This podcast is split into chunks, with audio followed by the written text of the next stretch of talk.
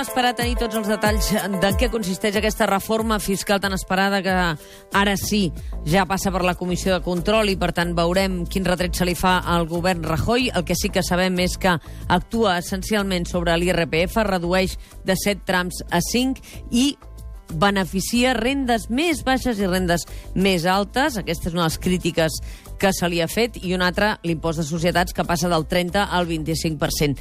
Però avui l'informe Sala i Martín volem que, que ens ajudi a analitzar una mica més en profunditat aquesta qüestió. Bon dia. Hola, molt bon dia. A veure, um, es, aquesta és la simplificació que es fa, però aquí deu haver més per rascar.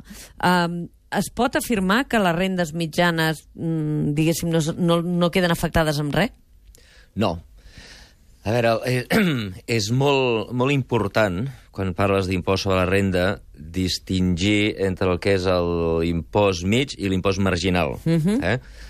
L'impost marginal és això que, que ha sortit de tots els diaris. Eh? El tram de no sé quants euros paga 45%. Fins a 12.000 no paguen. Fins a... Tot això, això, és, això el, que diu, el que diu és... El tram, per exemple, de 25.000 a 30.000, eh? el que diu és que la gent que està cobrant 25.000 si paguen, si, si guanyen un euro més, eh, si ets un metge i decideixes fer una visita més, eh, mm -hmm. eh, el, quin és el percentatge d'aquells diners extras que tu guanyaràs, quin és el per percentatge que pagaràs. Eh? Si aquell tram, el, el percentatge és 45%, vol dir que si tu cobres 100, 45 pel govern. Però això no vol dir que tots els diners que ja has guanyat paguin el 45%. És a dir, una persona que guanya eh, 45.000 euros paga el percentatge que tenen els de 0 a 12.000 euros. Després, pel, pels primers 12.000 euros.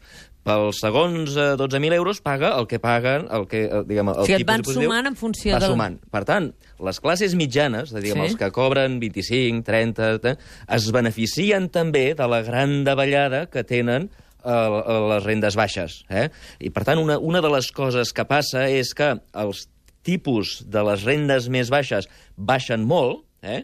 I, per tant, això se'n beneficien la gent de les rendes baixes, però també la gent de les rendes mitjanes i, i també la gent de les rendes altes. altes. Tothom en surt beneficiat. Uh, després, els tipus mitjos, no va, els tipus de la, de, de, dels trams mitjos no baixen tant, però la gent que està allà ja s'ha beneficiat de les davallades dels tipus baixos. Per tant, per tant eh, eh, diguem, si tu mires els tipus, diguem, els tipus mitjos, el que acaba pagant cada un dels ciutadans, resulta que eh, en relació el, el, el 2012, sí. eh, en relació a la pujada que va fer el govern, els impostos han baixat. És a dir, una de les coses que ha passat, una de les coses que ha passat és que Recordeu que quan el govern va arribar a, diguem, a manar l'any sí. 2011, recordo les eleccions van ser el 20 del 2011, just arribar al gener del 2012, el govern va dir pujarem els tipus impositius, Uh, però lo subiremos durante dos anys, és una cosa temporal. Eh? Per poder sortir del... Per poder recaptar més, perquè s'estava sí. disparant el dèficit. Val? Llavors va pujar els tipus de tothom, eh, dels pobres, dels mitjos, dels alts, tots, tots, tots, eh, però va dir que això duraria dos anys. Eh? Eh, no ha durat dos anys, sinó que ha durat tres anys, i ara, pel 2015, sembla que baixaran tots una miqueta, i pel 2016 tornaran més o menys, eh, per gairebé tothom, tornaran a la situació del 2011. Eh? És a dir, que per una banda faran bona la promesa que ens van dir, estos, esta subida d'impuestos serà temporal, això és veritat, però, per altra banda, si tu compares els impostos que hi ha hagut durant els anys del Rajoy amb els impostos que hi havia durant els anys Zapatero, resulta que els impostos hauran estat molt més alts, malgrat que la promesa electoral era que ells baixarien impostos. Eh? Mm -hmm. Per tant, en relació a la promesa electoral, no l'han complert, els impostos durant el seu mandat han estat més alts, eh, però eh, és veritat, allò que ens van dir que seria temporal, eh, doncs ara torna a la situació... Eh, perdona, diuen que tornarà a l'any 2016 a la situació que hi havia el 2011. Eh? Però també cal recordar que el 2016 ja no hi serà aquest govern. Ah. Eh? Per tant, o sí. és una no promesa... No, o no, no, no ho sabem, no hi, haurà, hi haurà una altra, hi haurà unes eleccions, eh, i per tant la gran davallada, eh, aquesta davallada que han anunciat ara, està en dos parts. Una mica de davallada serà el 2015, que ells sí que manaran, serà l'any electoral, i després la davallada vindrà després de les eleccions. Eh? Uh, I si es compleix aquesta davallada, tornaríem a estar més o menys a la situació del 2011. Eh? Uh, que pot arribar un altre govern i fer una altra reforma fiscal exacte, i canviar-ho, no? Tots sabem que el primer que fa un govern, eh, el truco de l'almendruco de tots els governs, és quan arriben, diuen, no, escolta'm, la cosa estava molt pitjor del que ens semblàvem i, per tant... Hem de tornar hem a pujar de, impostos. Hem de tornar a pujar. I el que hem fet baixant uh, l'IRPF de les rendes més altes, de fet, aquí sí és una equiparació a la situació europea, com a mínim ho han intentat, no? Perquè aquí estava al 52 i la mitjana europea està al 42? Sí, però, però, però recorda que aquest és l'impost marginal. És marginal, a dir, el, el, el, el, una persona guanya 300.000 euros, eh? si guanya un euro més, aquest euro d'extra pagarà eh, pagarà un 45%, o el que, el que, el que aquesta persona, 300.000 euros, paga els, els mateixos el mateix percentatge pels primers 12.000, pels segons 15.000, pels tercers, eh, el mateix percentatge que la resta de ciutadans. Una de les coses que sí que ha fet el, mm. el PP, una cosa que sí que ha fet el PP, és que ha fet que l'impost en general sigui molt més progressiu. Eh? Progressiu vol dir que si tu mires els impostos mitjos, eh, quin percentatge paga ciutadà, el que guanya un euro, el que guanya dos euros, el que guanya 1.000, el que guanya 20.000, el que guanya 400.000, eh, el percentatge que paga cadascú eh, doncs va pujant. Eh? El, el, el, el pendent al qual puja, és a dir, el ritme al qual pugen els impostos, és el grau de progressivitat eh? el, el pendent al quan pugen els impostos mitjos. Si puja molt ràpidament, si, si els rics paguen molt, molt, molt més que els que guanyen 12.000, doncs es diu que és molt progressiu. Si puja a poc a poc, es diu que és poc progressiu. Eh? Una de les coses que ha fet la reforma del PSOE, la reforma del PP en relació al PSOE, és a dir, la del 2012, la d'ara i la dels, de, diguem, la que hi haurà el 2016, és que els impostos són molt més progressius ara que no pas amb l'època PSOE. I això com casa amb el tema de la reducció de dos trams, de 7 a 5? Perquè el que fan és que, o sigui, recorda, és el, el, la relació, la, la velocitat a la que pugen els tipus impositius. Uh, clar, la clau és el punt de partida. Quin mm és el tipus impositiu de la gent que paga menys? Eh? El, el, amb la reforma que, que s'implementarà el 2015, una de les coses que passa és que les rendes més baixes, els primers 12.000 euros, pagaran molt menys que no pas pagaven amb el PSOE, uh -huh. i per tant, com que al final es queden més o menys igual, eh, doncs la pujada, eh, la, el, el ritme en el qual augmenten els impostos a mida que va augmentant la renda, és molt més ràpida. I per tant, els impostos del PP són molt més progressius que els del PSOE. Eh? I això és important dir-ho, és important veure-ho, perquè el, el PSOE el que ha fet ha sigut criticar el PP, la reforma del PP, perquè, era, perquè es beneficiaven els rics. Eh? No és veritat que es beneficien els rics. Els que es beneficien més són de les rendes més baixes i el grau de progressivitat que hi ha ara és molt més elevat que el que hi havia eh, quan manava el Zapatero. Això com afectarà Catalunya? Perquè d'aquí dos dies hi haurà Consell de Política Fiscal i Financera, sembla que el ministre reunirà amb els consellers. Vam tenir aquí el conseller Mascolell, estava molt decebut d'aquesta reforma fiscal, eh, no va dir fins a quin punt això podria repercutir sobre la, els ingressos públics, perquè Catalunya eh, té el màxim el 56, no el 52, que és aquell tram d'IRPF que Catalunya podia regular, per tant hi ha quatre punts en el diferencial del tram més alt d'IRPF l'IRPF, però mm, aquesta disminució eh, de recaptació impactarà també sobre el finançament públic? Clar, el, la Generalitat té té dos vies d'impostos, dos vies de recaptació via impostos. No? Una és aquest eh, impost específic de la Generalitat, que és, que és aquest diferencial, els sí. quatre punts aquests, però recordeu que també té el 50% dels impostos que recapta l'Estat. Eh, per tant, si recapta menys, tindrem menys Exacte. pressupost. Per tant, per tant, totes les decisions que pren el Montoro afecta a Catalunya i a d'altres comunitats en el, en el règim de, de finançament de les comunitats autònomes. Això el que ha passat, jo crec que és una demostració de que el sistema de finançament de les comunitats autònomes no funciona, no està bé. Perquè, clar, aquí ve el senyor Montoro i unilateralment decideix que baixa impostos. No sabem quina serà la recaptació. No sabem si la recaptació pujarà, si la recaptació baixarà, no ho sabem. Uh, en principi, si no hi hagués un miracle econòmic, el fet de que tu baixis el percentatge de la renda, a no ser que la renda pugi moltíssim durant aquests uh, propers anys, cosa que no és probable, doncs la recaptació baixarà Eh? Mm -hmm. Però rebaixarà, al baixar la recaptació total, com que la meitat de la recaptació total se la queda la Generalitat, doncs baixarà la recaptació de la Generalitat.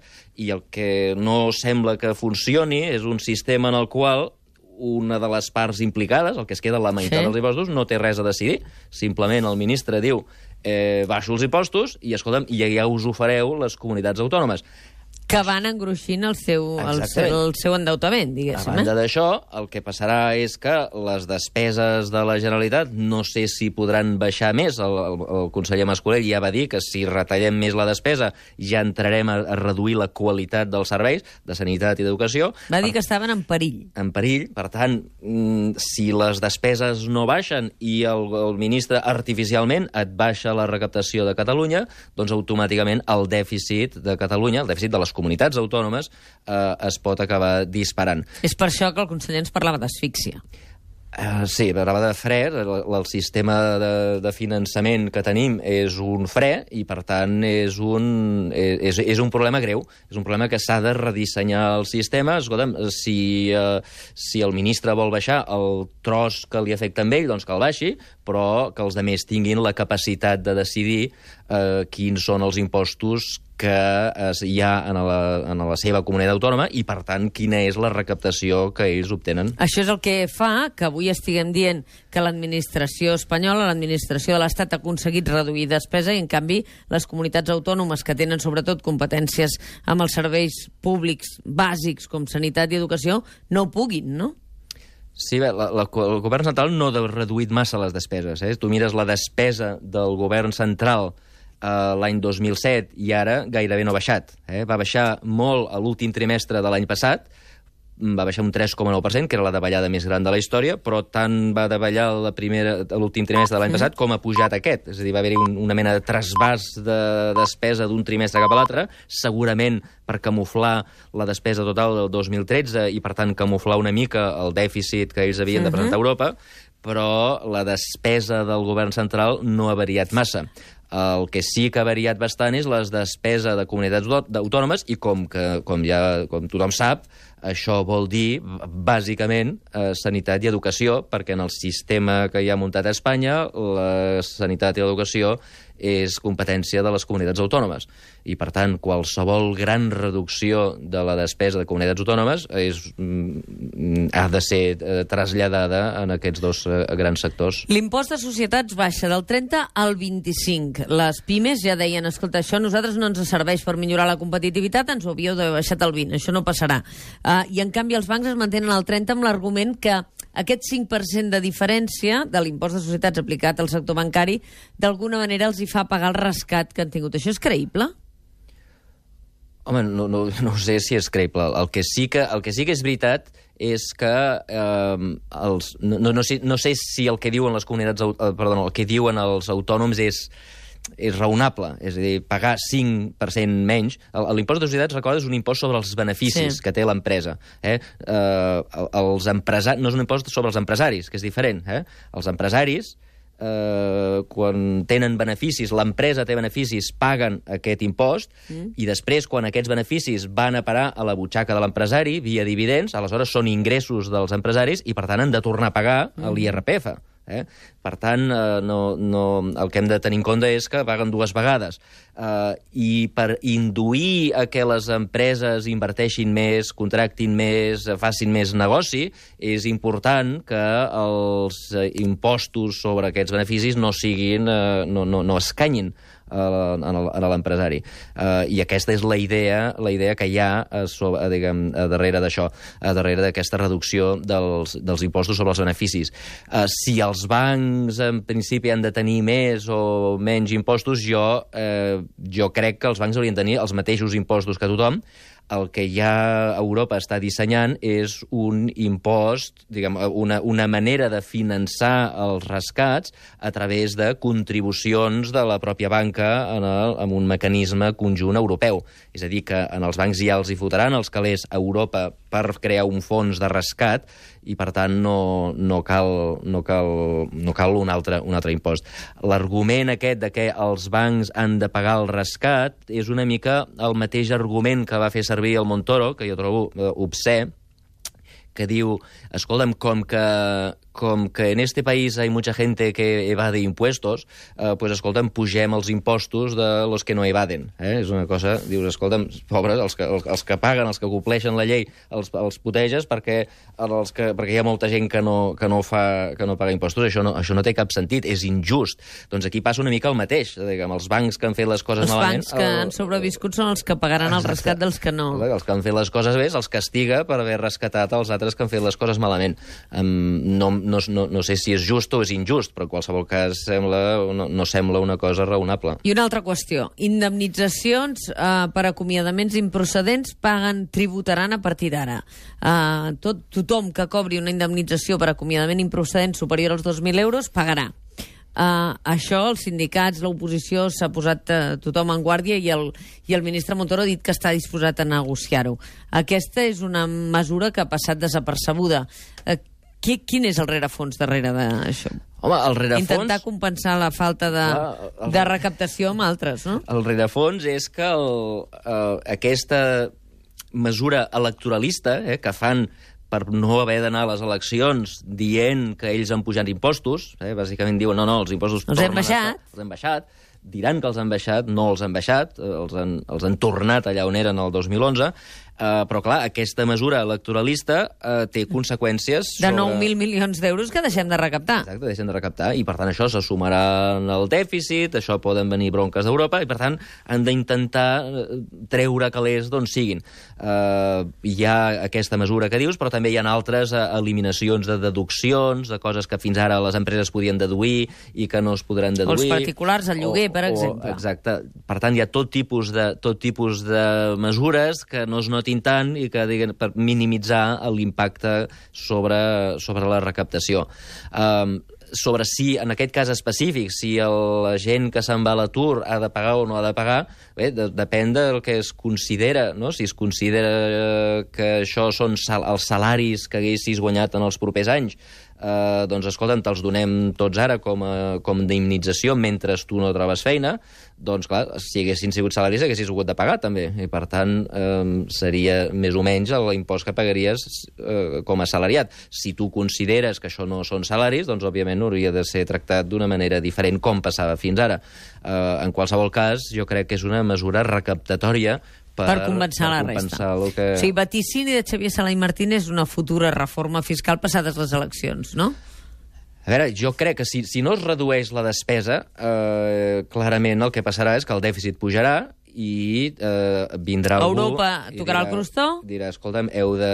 s'han de tornar a pujar els impostos o s'ha de fer una reforma fiscal com Déu mana. Jo crec que el, el, el, el problema d'Espanya no s'arregla simplement pujant i baixant els tipus. Eh? Jo crec que eh, han de reconèixer que el sistema està fracassat totalment, eh, és abs absolutament inviable tenir un sistema on hi ha el grau d'evasió i d'elusió fiscal eh, que hi ha, és a dir, molta gent s'escaqueja de pagar, el sistema clarament no funciona, aquest sistema en el que cadascú és responsable de la seva pròpia declaració i tothom té la por del, diguem, el, el govern el que fa és posar-te un, una amenaça d'uns inspectors que poden venir i que gairebé són jutges, perquè si et diuen que tu pagues has de pagar i gairebé estàs indefens.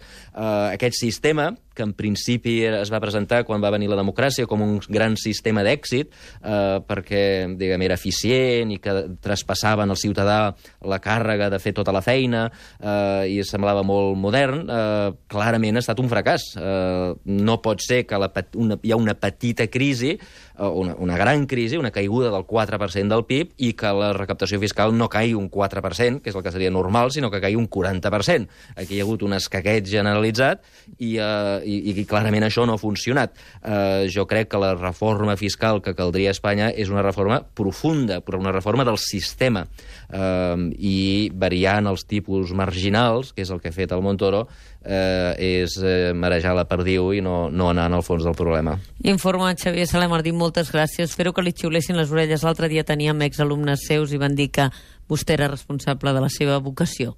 Ah, sí? Per tant, sí, entre els quals hi havia Maurici Lucena. Per tant, li recomano que s'ho vagi en podcast, que quedarà content. Ah, moltes gràcies. Moltes gràcies.